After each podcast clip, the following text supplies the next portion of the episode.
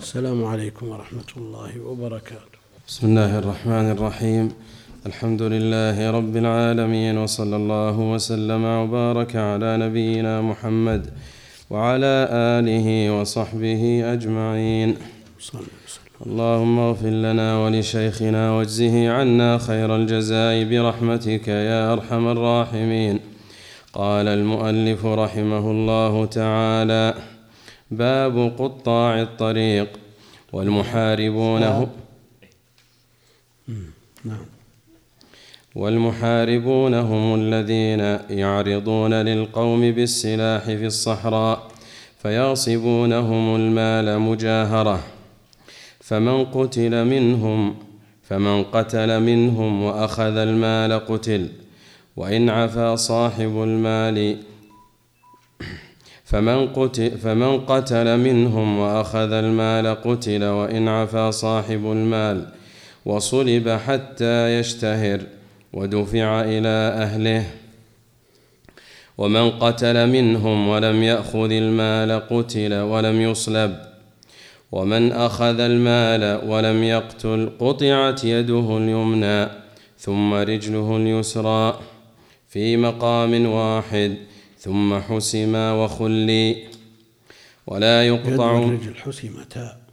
يد ورجل نعم ثم حسمتا وخلي ولا يقطع منهم إلا من أخذ ما يقطع السارق في مثله. ونفيهم أن يشردوا ولا يتركون ياوون في بلد. فإن تابوا من قبل أن يقدر عليهم سقطت عنهم حدود الله تعالى وأخذوا بحقوق الآدميين من الأنفس والجراح والأموال إلا أن يعفى لهم عنها والله أعلم. الحمد لله رب العالمين وصلى الله وسلم وبارك على عبده ورسوله نبينا محمد وعلى آله وأصحابه أجمعين. أما بعد فيقول المؤلف رحمه الله تعالى كتاب قطاع الطريق. وقلنا مثل مرارا أن مثل هذا على الاصطلاح المأثور عند أهل العلم والجادة التي مشوا عليها أنه باب وليس بكتاب. لأنه فرع من كتاب من كتاب الحدود. وقطاع الطريق هم المحاربون ولذا درج كثير من أهل العلم أن يسموا هذا الباب باب حد الحرابة. والأصل في ذلك الآية إنما جزاء الذين يحاربون الله. فهي حرابة ومحاربة وهم قطاع الطريق. وهذا اصطلاح كثير من أهل العلم أيضا. وهذا الباب ضمه إلى أهل البغي الذي تقدم وأيضا الردة. فيه حد المرتد وقتال أهل البغي وقطاع الطريق. بينهما تشابه ولذا درج المتأخرون من مصنفي الحنابلة أن يجعلوها متتالية. وراء بعض. لو نظرنا إلى الزاد مثلا. وأصول الزاد التي اختصر منها. وجدناهم يجعلونها وراء بعض. يقول رحمه الله تعالى قال والمحاربون الذين يعرضون للقوم بالسلاح في الصحراء فيغصبونهم المال مجاهرة. لا خفية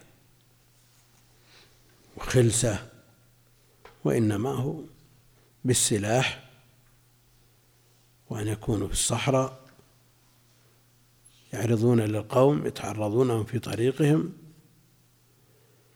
ويأخذون أموالهم وقد يقتلونهم. وهذا الأمر عظيم جدا وهو إخافة السبيل قطع الطريق. كان الناس لا يأمنون على أنفسهم ولا على أموالهم ولا على أعراضهم بسبب القطاع. كم سمعنا في الرحلات إلى الحج سواء كانت من المشرق أو من المغرب يختطف منهم الكثير. وكثير من الناس لم يحج بسبب عدم أمن الطريق وأمن الطريق شرط في وجوب الحج. ولا شك أنه تعاقب على بلاد المسلمين دول متفاوتة في الأمن والعدل وضبط السبل. فمنهم المفرط منهم المضيع وقد يعتري بعض الجهات اختلال في الأمن وعدم انضباط في الحكم. وذكروا في كتب الرحلات بلدان بعينها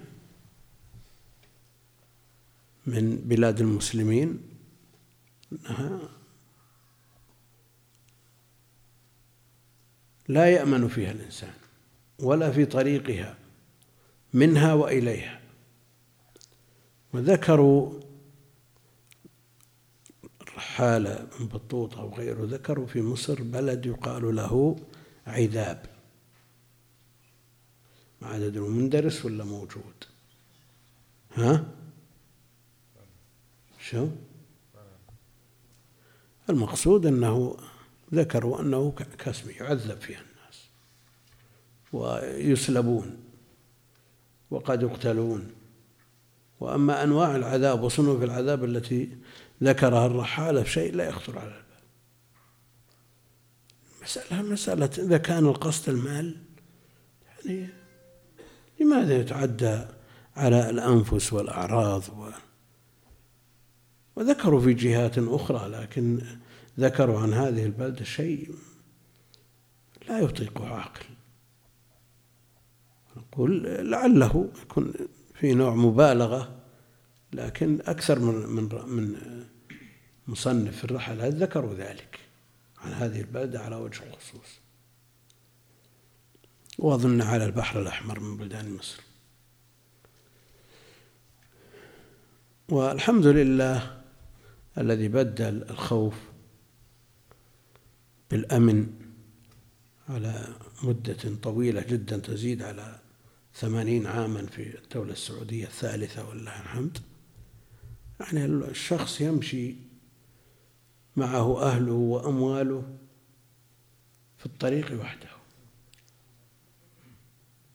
نسأل الله جل وعلا أن يديم هذه النعمة.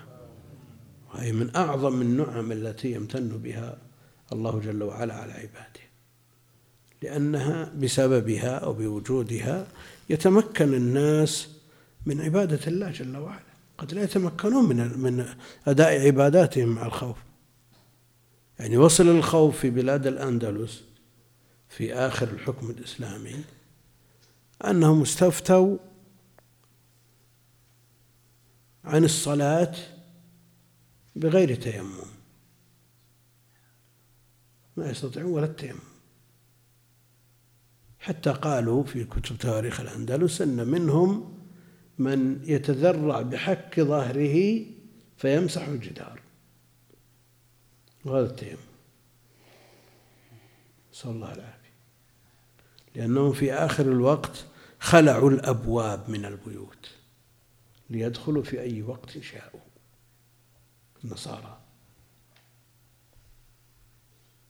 فأمور مهولة. لا تخطر يعني. العقول لا نحتملها لأننا ما أدركنا شيء من هذا ولا الطبقة التي قبلنا أدركوا شيء من الجوع والذين قبلهم أدركوا شيء من الخوف. وأما طبقتنا ولله الحمد ما أدركنا شيئا ونسأل الله جل وعلا أن يديم هذه النعم. وذكرت في مناسبات أن الحج من شرق المملكة والحجاج لا يستطيعون أن يحجوا عن طريق البر لعدم أمن الطريق. فيضطرون أن يحجوا عن طريق البحر يذهبون إلى البحرين ويحجوا عن طريق البحر مع حجاج البحرين لأنه عن طريق البحر البر مستحيل. قوبل شخص من كبار السن توفي قبل سنين من أهل الأحساء وسئل عن حجته الأولى شيء يعني ما تصورون أنتم ولا أنا ولا لأن ما أدركنا شيء من هذا. يقول ذهبنا إلى البحرين لنحج معهم. فقالوا إن ما في حجاج هالسنة ما هنا إلا عن طريق بومباي بالهند. يقول رحنا للهند. لنحج عن طريق البحر. يعني كلام مكرر قلته في أكثر من مناسبة لكن التذكير به في غاية الأهمية. وفي الرياض صايم يوم عرفة مع أولاده في الرياض. فلما انصرف الناس من عرفة بكى. شيخ كبير السن فقال له ابنه ما يبكي قال الناس يحجون أنا جالس بالرياض ما حجيت قال ودك تحج؟ قال ظنه ما يظن ما إنه ما يمكن على الحج ووظف له مكان بالمرتبة الثانية بالجيب ورحب على طول من الرياض من ربها المحرم وأحرم ومر عرفة وهو ماشي ومزدلفة حج مع الناس.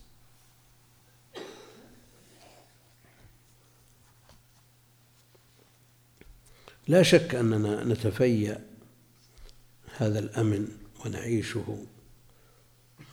وكثير من الطبقة بعد اللي, اللي أصغر منا ومن بعدهم قد لا يقدرون هذه النعم قدرها. ولذلك تشوفوا ترون التصرفات من بعضهم ما كأن الأمر إلا ملك واستحقاق لهم.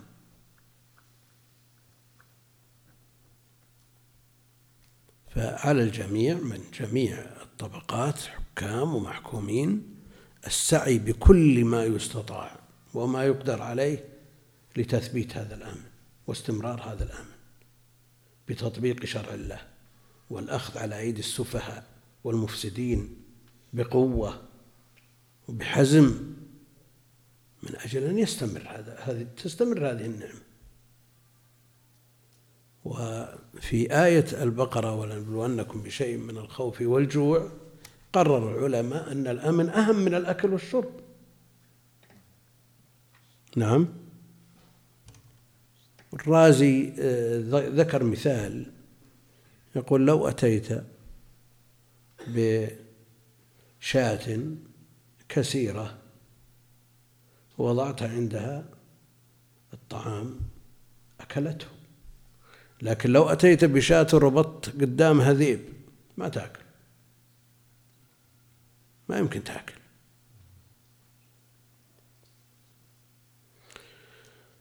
والله المستعان. والمحاربون الذين يعرضون للقوم بالسلاح في الصحراء.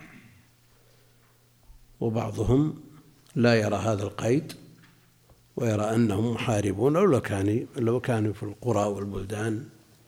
ما دام ما دام يخيفون الناس وينشرون الرعب في قلوبهم والذعر فهم محاربون.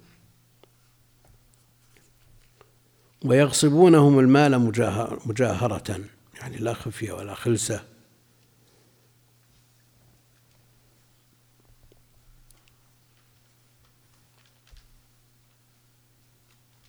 ومن قتل منهم وأخذ المال المؤلف جرى على المذهب. وهي أن أو في آية المائدة للتقسيم وليست للتخيير. ومن أهل العلم من قال إنها قتلوا وصلبوا وتقطع أيديهم من يرى أنها للتخيير. والأمر في ذلك راجع إلى الإمام فينفذ فيهم ما هو الأصلح من الأحكام المذكورة. والمؤلف وغيره من فقهاء المذهب وقول معروف عند أهل العلم أنه أو هنا للتقسيم. فتكون أقسام. ابن مالك يقول خير أبح قسم بأو وأبهمي. خير أبح قسم بأو وأبهمي.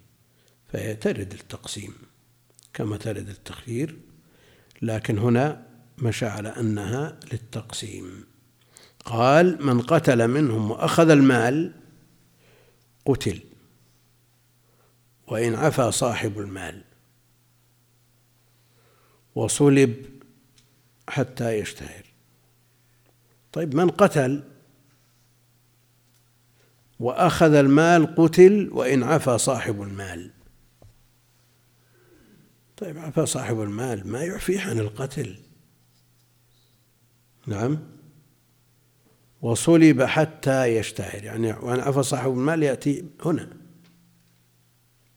وصلب حتى يشتهر لأن الصلب في مقابل أخذ المال والقتل في مقابل القتل.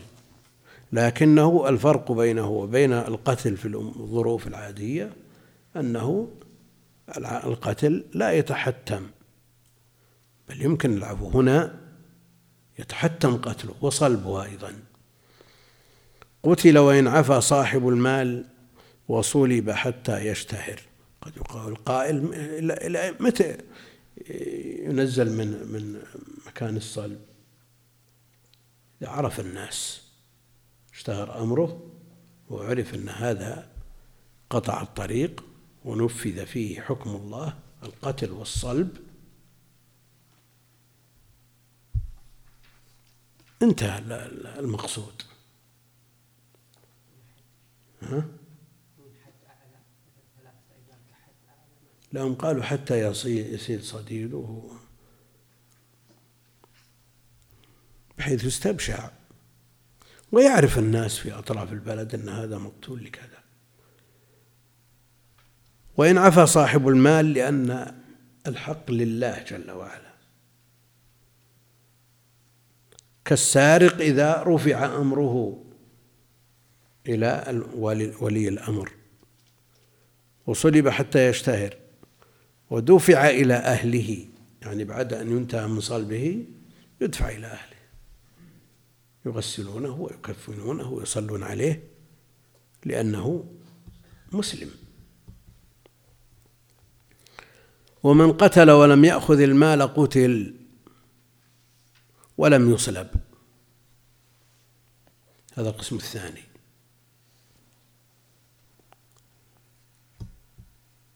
ولم يصلب من أخذ المال ولم يقتل.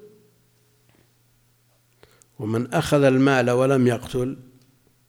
هذا أمره أعظم من السارق ودون القاتل. قال قطعت يده اليمنى. من مفصل الكف ثم رجله اليسرى وهذا معنى قوله جل وعلا من خلاف.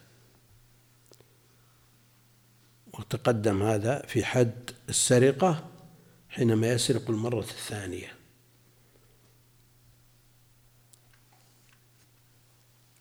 ثم رجله اليسرى في مقام واحد ثم حسمتا وخلي. في مقام واحد تقطع اليد اليمنى ثم تحسم بالزيت على ما تقدم ثم الرجل اليسرى ثم تحسم في المقام نفسه. ما يقال تقطع يده حتى يندمل جرحه ثم يؤتى به لتقطع رجله. لا إنما هو في مقام واحد. ثم حسمتا وخلي ولا يقطع منهم إلا من أخذ ما يقطع في مثله السارق يعني نصاب. ربع دينار أو ثلاثة دراهم أو ما قيمته ثلاثة دراهم على ما تقدم. ما يقطع في مثله السارق ونفيهم أو ينفى من الأرض متى؟ الحكم هذا متى؟ إذا لم إذا لم يقتلوا ولم يسرقوا وإنما أخافوا السبيل. ونفيهم أن يشردوا. فلا يتركون يأوون في بلد.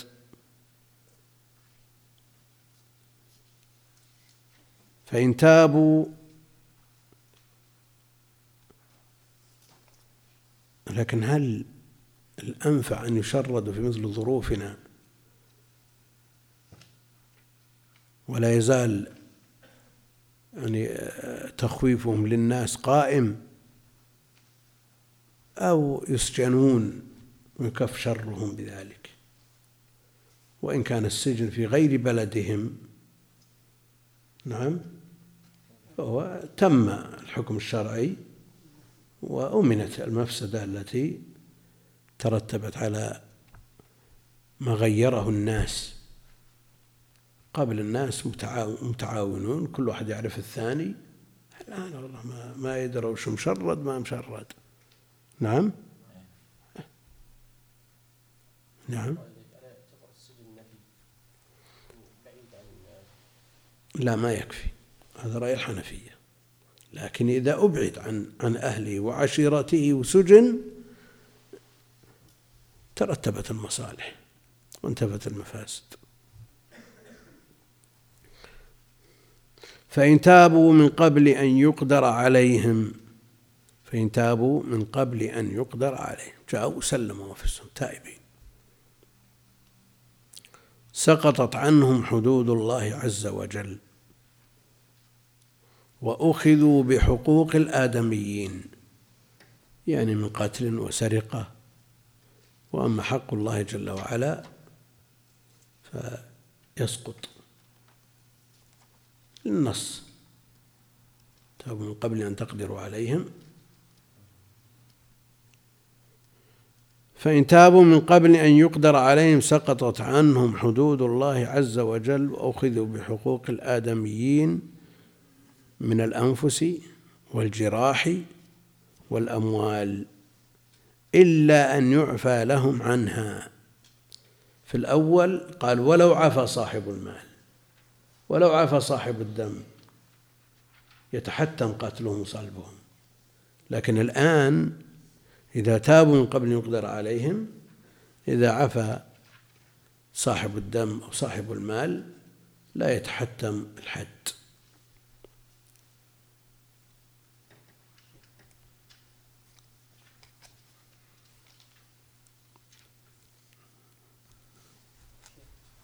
نعم ذكروا قضية النفس والمال إيه. إيش فيه؟ يتحتم عليهم. إضافة إلى لو ما ما فعلوا إلا انتهاك الأعراض مثلا. هذا هذا اللي تقصدوه؟ في أي صورة للتخيير منتهي المسألة ترجع للإمام لكن إذا قلنا بالترتيب. لعل القرطبي يجيب شيء.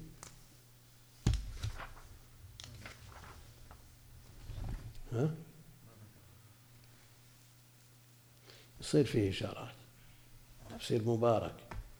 خذها الشيخ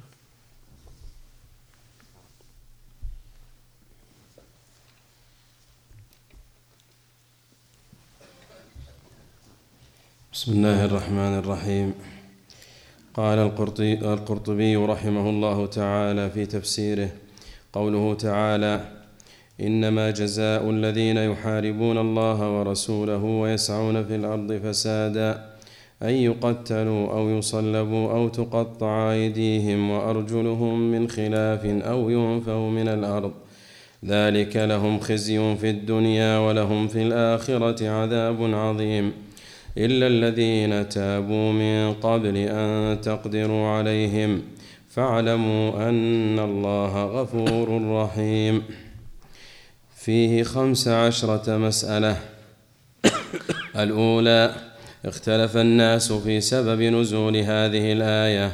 فالذي عليه الجمهور أنها نزلت في العرنيين روى الأئمة واللفظ لأبي داود عن أنس بن مالك أن قوما من عكل أو قال من عرينة قدموا على رسول الله صلى الله عليه وسلم فاجتووا, فاجتووا المدينة فأمر لهم رسول الله صلى الله عليه وسلم بلقاح وأمرهم استووا استوخموا. يعني تغير عليهم الجو. فمرضوا بسبب ذلك. نعم. فأمر لهم رسول الله صلى الله عليه وسلم بلقاح وأمرهم أن يشربوا من أبوالها وألبانها فانطلقوا. فلما صحوا قتلوا راعي النبي صلى الله عليه وسلم واستاقوا واستاقوا النعم. فبلغ النبي صلى الله عليه وسلم فبلغ النبي صلى الله عليه وسلم خبرهم من أول النهار. خبرهم. فبلغ النبي صلى النبي صلى الله عليه وسلم خبرهم من أول النهار فأرسل في آثارهم. فما ارتفع النهار حتى جيء بهم فأمر بهم فقطعت أيديهم وأرجلهم وسمر, وسمر أعينهم وألقوا في الحرة يستسقون فلا يسقون. قال أبو قلابة فهؤلاء قوم سرقوا وقتلوا وكفروا بعد إيمانهم وحاربوا الله ورسوله. وفي رواية فأمر بمس هم قتلوا الراعي. سمروا سمروا.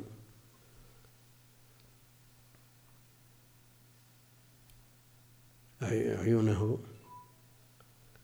ف يعني ما تحتم قتلهم مع أنهم قتلوا.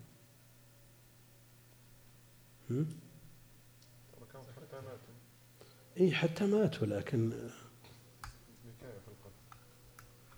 هذا أشد من القتل مع المبادرة. أشد لأن مآلهم بهذه الطريقة إلى الموت وهو القتل. ما يقول قائل أنه لا يتحتم قتلهم لأن النبي ما قتل العرانيين هم في حكم المقتولين لكنه أشد. نعم. وفي رواية فأمر بمسامير فأحميت فكح فكح فكحلهم وقطع أيديهم وأرجلهم وما حسمهم. وفي رواية لأن ما حسمهم لماذا؟ لأن الهدف أن يموتوا. نعم. الله عليك. هل يؤخذ منه جواز تعذيب القاتل قبل أن يقتل؟ لكن هل هذه مثلة ولا مماثلة؟ على حسب جرم القاتل قد يكون فيها. لا هل هذه مثلة ولا مماثلة؟ مماثلة. هم فعلوا بالرأي هكذا. يعني لا لا تنطبق إلا على المماثلة فقط. هذه مماثلة. نعم.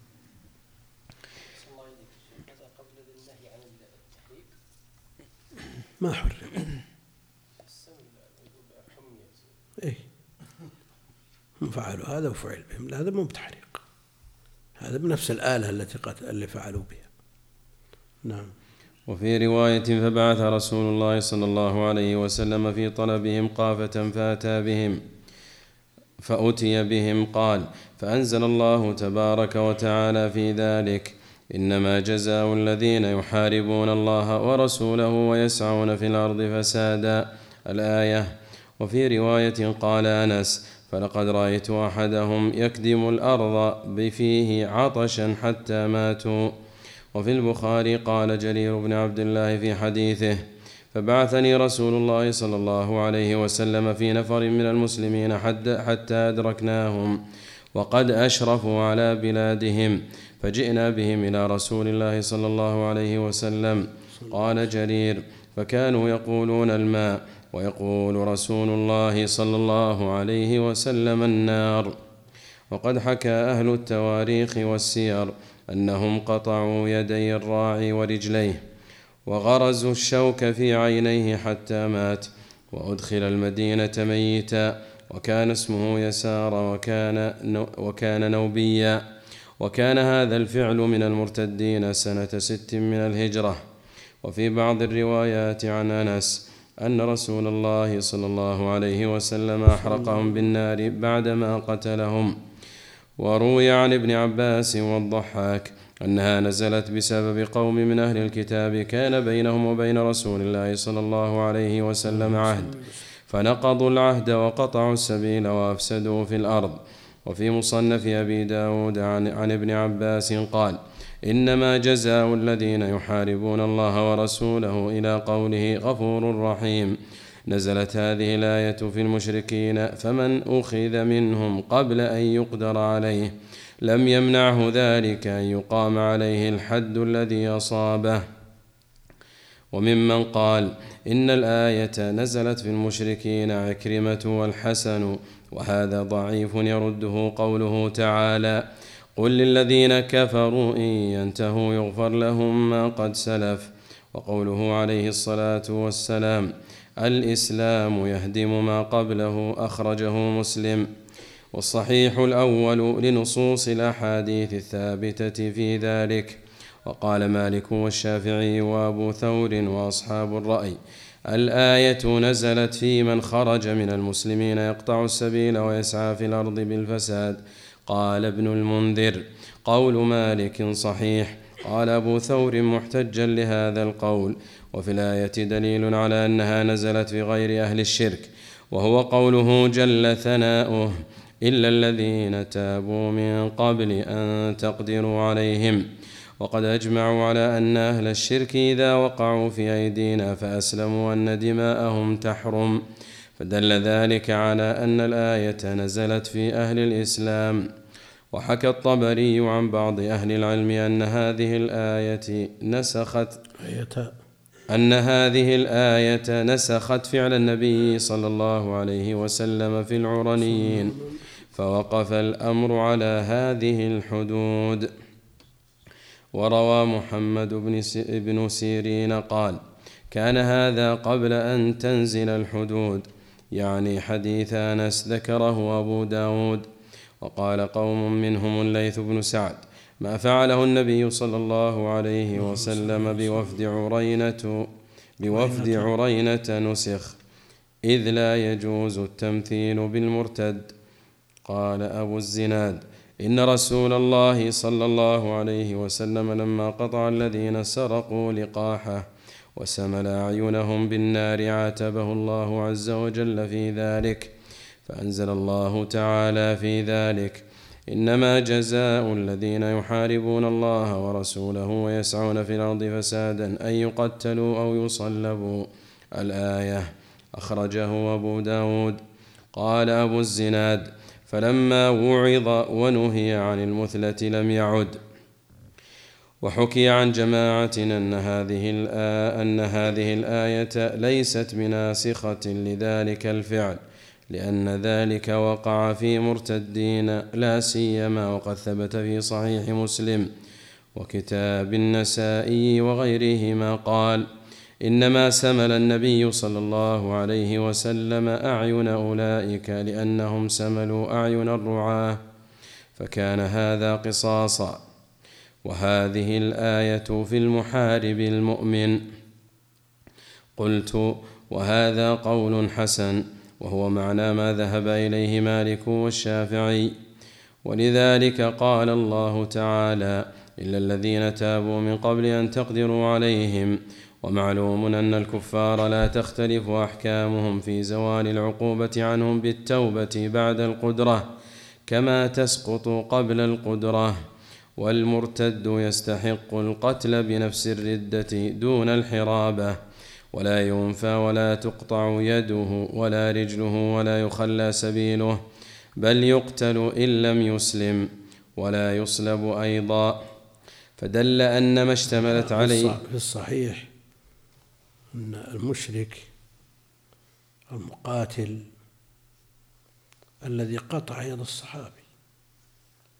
فلما رفع السيف عليه قال أشهد أن لا إله إلا الله. وحينئذ إذا قال لا إله إلا الله بعد أن قطع يده. في حديث أسامة قالها متعوذا خائفا من السيف وقد قتل في المسلمين. والنبي عليه الصلاة والسلام تغيظ عليه وقال أقتلته بعد أن قال لا إله إلا الله فماذا تصنع بلا إله إلا الله فما زال يكررها عليه الصلاة والسلام يدل على أنه لو كان كافرا ثم أسلم الإسلام يهدم ما كان قبل ولو قطع يده نعم. فدل أن ما اشتملت عليه الآية ما, ما عني به المرتد وقال تعالى في حق الكفار قل للذين كفروا إن ينتهوا يغفر لهم ما قد سلف. وقال في المحاربين إلا الذين تابوا الآية وهذا بين. وعلى ما قررناه في من قبل أن تقدروا عليه. مفهومها أنه لو أنهم لو تابوا بعد القدرة فإنه لا يعفى عنه. نعم. وين؟ إذا جاء مستسلم وكان تائب السنة نعم. وش تبي يسوي؟ بيلجأ لغيره. وللأسف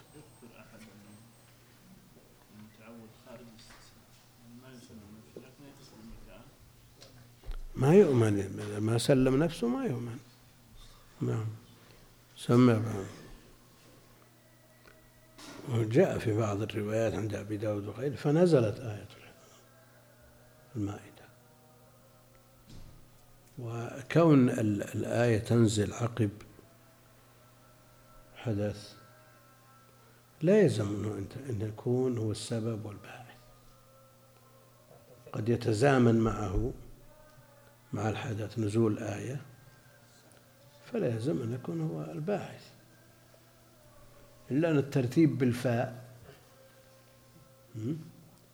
عند أهل العلم يعتبرونه سبب من الأسباب. قد يتعدد السبب ولكن يكون هذا السبب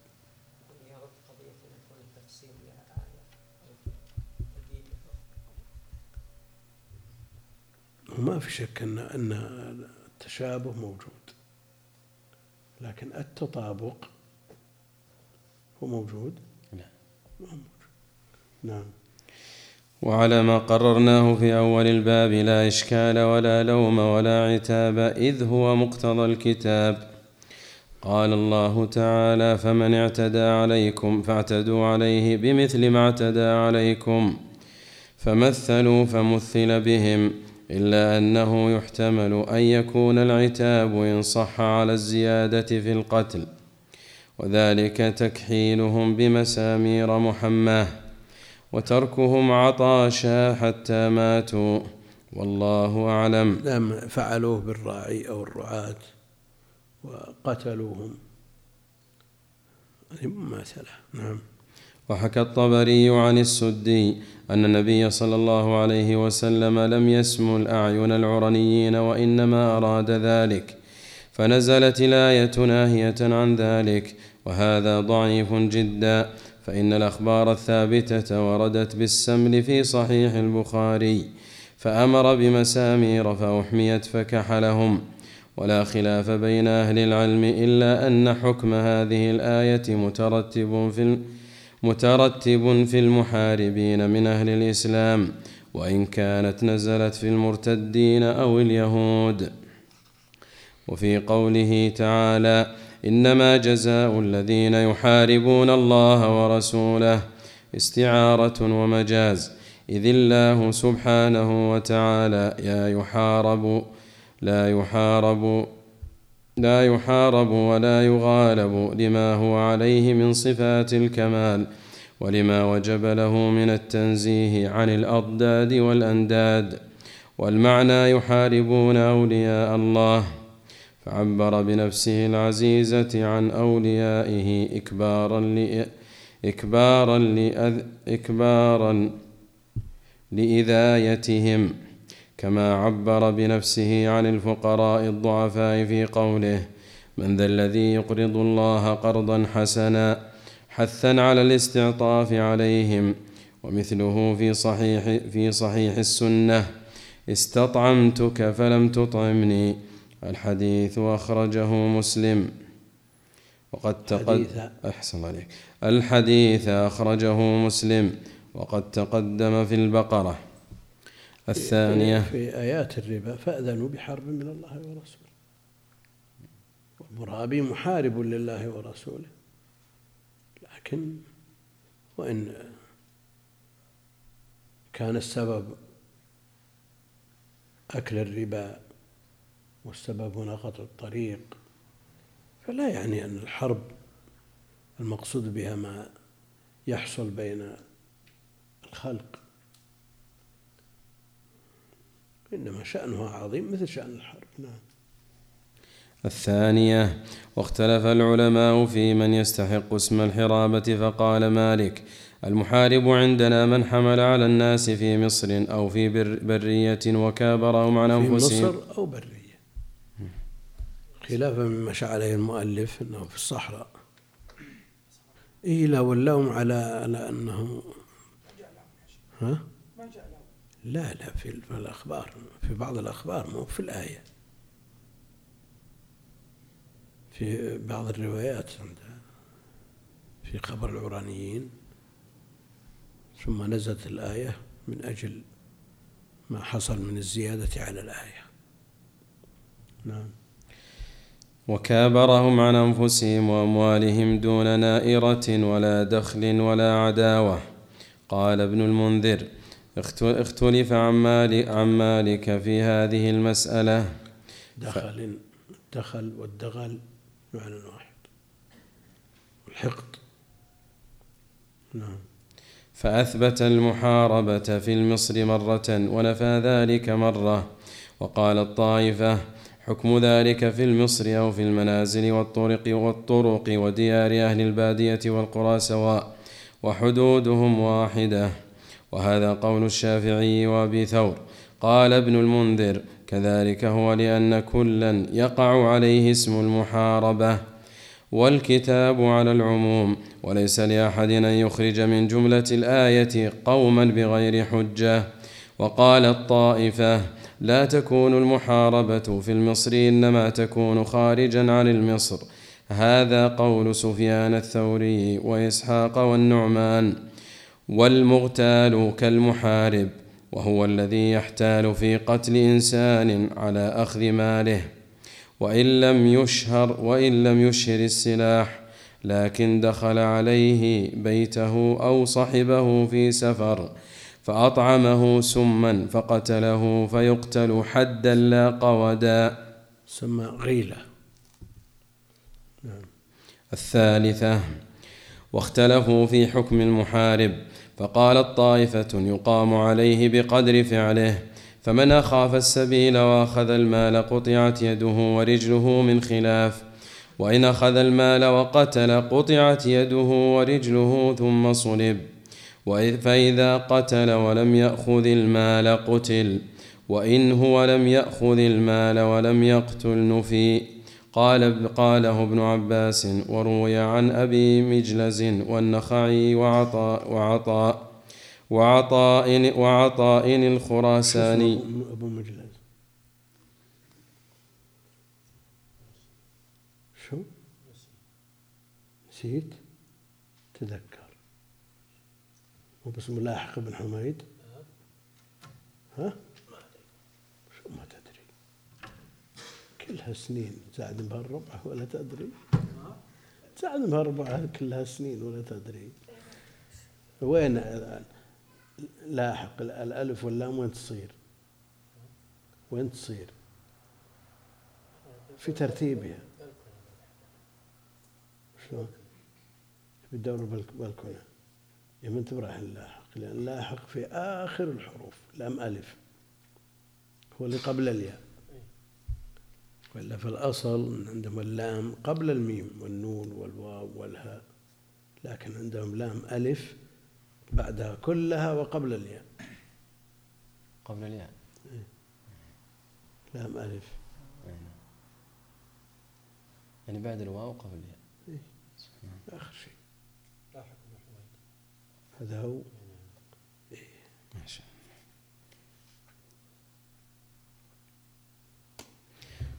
وروي عن أبي مجلز والنخعي. بالك يا أبو عبد الله؟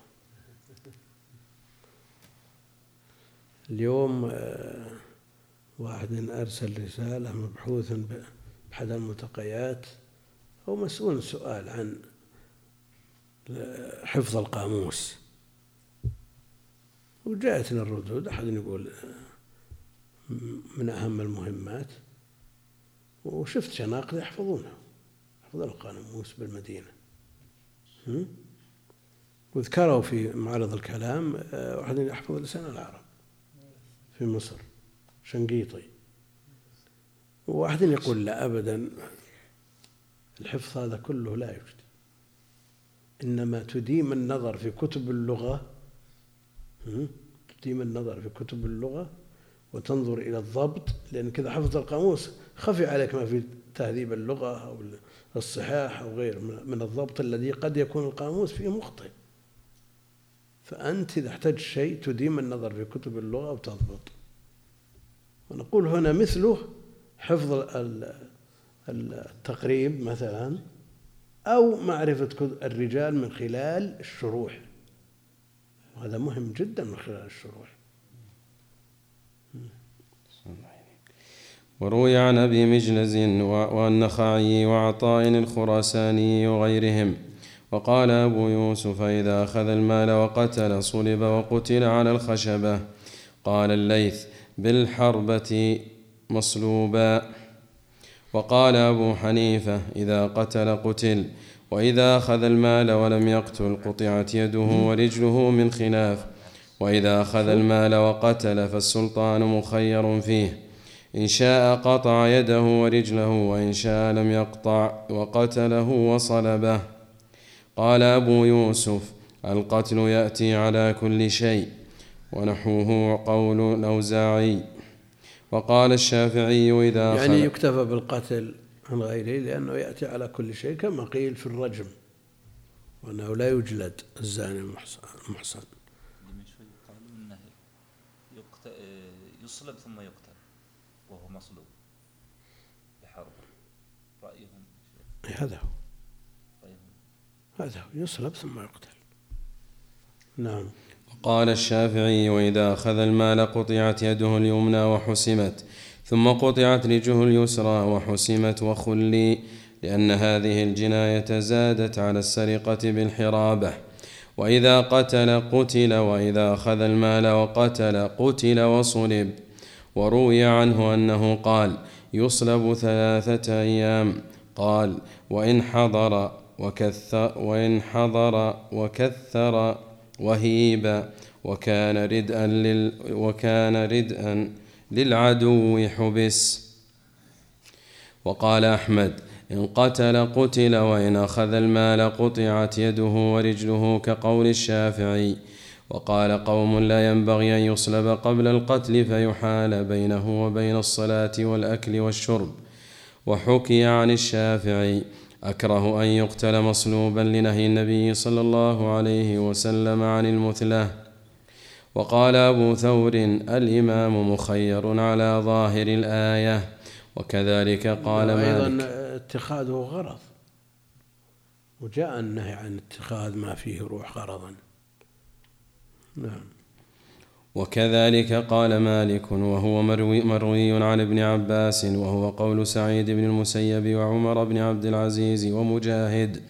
والضحاك والضحاك والضحاك والنخعي كلهم قال الإمام مخير في الحكم على المحاربين يحكم عليهم بأي الأحكام التي أوجبها الله تعالى من القتل والصلب أو القطع أو النفي بظاهر الآية. قال ابن عباس ما كان في القرآن أو فصاحبه بالخيار. وهذا القول أشعر أشعر بظاهر الآية. فإن فإن أهل القول الأول أشعر أحسن عليك. وهذا القول أشعر بظاهر الآية. فإن أهل القول الأول الذين قالوا إن أو للترتيب وإن اختلفوا فإنك تجد أقوالهم أنهم يجمعون عليه أجمعون عليه حدين فيقولون يقتل ويصلب. ويقول بعضهم يصلب ويقتل ويقول بعضهم تقطع يده ورجله وينفى. وليس كذلك الآية ولا معنى أو في اللغة قاله النحاس. واحتج ولا معنى؟ أو في اللغة. تقسيم معروف معاني أو. نعم. واحتج الأولون بما ذكره الطبري عن أنس بن مالك أنه قال سأل رسول الله صلى الله عليه وسلم جبريل عليه السلام عن الحكم في المحارب فقال من أخاف السبيل وأخذ المال فاقطع يد يده للأخذ ورجله للإخافة ومن قتل فاقتله ومن جمع ذلك فاصلبه قال ابن عطية وبقي النفي للمخيف فقط والمخيف في حكم القاتل. ومع ذلك فمالك يرى فيه الأخذ بأيسر العذاب والعقاب استحسانا. الرابعة قوله تعالى أو ينفوا من الأرض.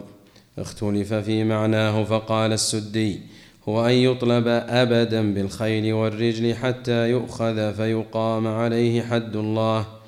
أو يخرج من دار الإسلام هربا ممن, ممن يطلبه. عن عن ابن عباس وأنس بن مالك ومالك بن أنس والحسن والحسن والسدي والضحاك وقتادة وسعيد بن جبير والربيع بن أنس والزهري.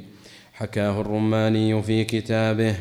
وحكى عن الشافعي أنهم يخرجون من بلد إلى بلد ويطلبون لتقام عليهم الحدود.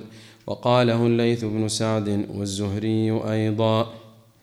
وقال مالك أيضا ينفى من البلد الذي أحدث فيه هذا إلى غيره ويحبس فيه كالزاني. وقال مالك أيضا والكوفيون نفيهم سجنهم فينفى من سعة الدنيا إلى ضيقها. وصار كأنه إذا سجن فقد نفي من الأرض إلا من موضع استقراره.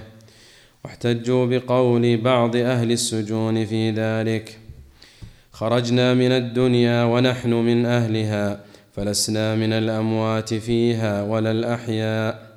إذا جاءنا السجان يوما لحاجة عجبنا وقلنا جاء هذا من الدنيا. حكى مك حكى مكحول أن أن عمر بن ابن الخطاب رضي الله عنه أول أول من حبس في أول. من من حبس في السجون وقال أحبسه حتى أعلم منه التوبة ولا أنفيه من بلد إلى بلد فيؤذيهم والظاهر أن الأرض في الآية هي أرض نازلة وقد تجنب الناس قديما الأرض التي أصابوا فيها الذنوب. ومنه الحديث الذي ناء بصدره نحو الأرض المقدسة. وينبغي للإمام قتل المئة. نعم. وينبغي للإمام إن كان هذا المحارب مخوف الجانب يظن أنه يعود إلى حرابة أو, أو إفساد أن يسجنه في البلد الذي يغرب إليه. وإن كان غير مخوف الجانب فظن أنه لا يعود إلى جناية إلى جناية سرح. قال ابن عطية وهذا صريح مذهب مالك أن يغرب ويسجن حيث يغرب. وعلى هذا وهذا على الأغلب في أنه مخوف. ورجحه الطبري وهو الواضح لأن نفيه من أرض النازلة هو نص الآية. وسجنه بعد, بعد بحبس الخوف منه. وسجنه بعد بحسب الخوف منه. فإن تاب وف فإن تاب وفهمت حاله سرح. الخامسة قوله تعالى أو ينفوا من الأرض. النفي أصله الإهلاك ومنه الإثبات والنفي. الخامسة قصيرة ثلاثة أسطر الخامسة قوله تعالى أو ينفوا من الأرض النفي أصله الإهلاك ومنه الإثبات والنفي فالنفي الإهلاك بالإعدام ومنه النفاية لردي المتاع ومنه النفي لما تطاير من الماء عن الدلو قال الراجز كأن متين كأن متينه من النفي. كأن. كأن متنيه. ما تجي متنيه. كأن متنيه من النفي مواقع الطير على الصفي.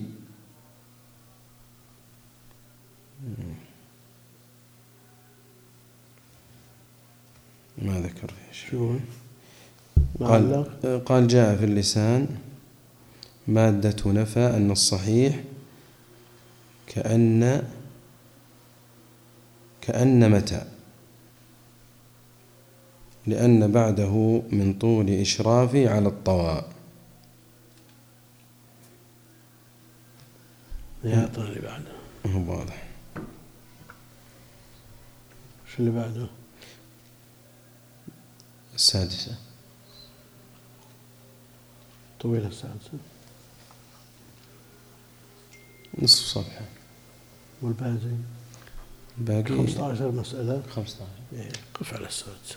جزاك الله بالنسبة للنفي ها؟ النفي حتى تظهر التوبة. إيه حتى تحسن حاله. ويشهد له بذلك بداية الجماعة الشيخ ولو الجماعة بالصلاة على النبي صلى الله عليه وسلم. ولا يتنوع بالعبادة قراءة القرآن. ما يكتفى بس بالاكثار من لا. الصلاة لا يكثر من الصلاة والوقت يستوعب.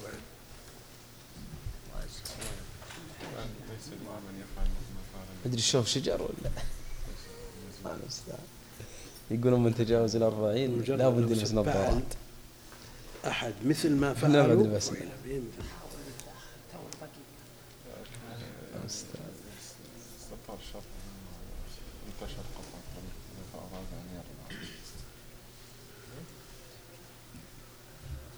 له أن يجمع حتى لو لم يقتل يجمع على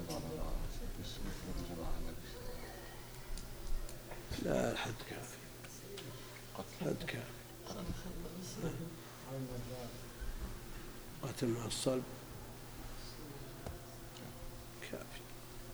نسأل الله العافية.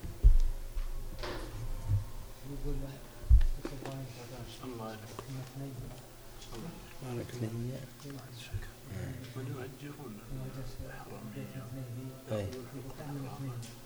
شلون يأجرون أي. سترون عليهم يرسلون رؤسائهم يرسلونهم يفعلون الجرائم فيأتونهم بالغلة هذا لا هذا لا ردء يسمى والردء يقتل. نعم ها؟ ردء يسمونه الرد يعني المعين يا شيخ. إيه. الشيخ طريقة القتل. بالحرام فيه كيف طريقة القصاص؟ السيف حد حد. وحد. يكون بالسيف أليس أن يأتي 19 كما فعل النبي صلى الله عليه وسلم. يعني ما يقتلون؟ ويكون القتل يضمن هذا منصوص على قتل يقتل لكن يعني لا تنسخ يا شيخ لا ناسخ قالوا. أنت مصلي أبو عبد الله؟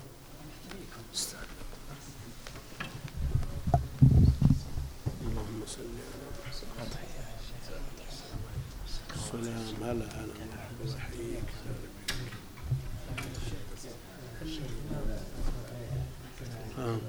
الإمام أحيانا يأخذ بالتخيير وأحيانا يأخذ بالترتيب لا. أو يلتزم أو هذه إما للتقسيم أو يعني في قضية لو أخذ بالتخيير وقضية أخذ بالترتيب هذا صار تلفيق بين المذاهب. ما يصلح عشان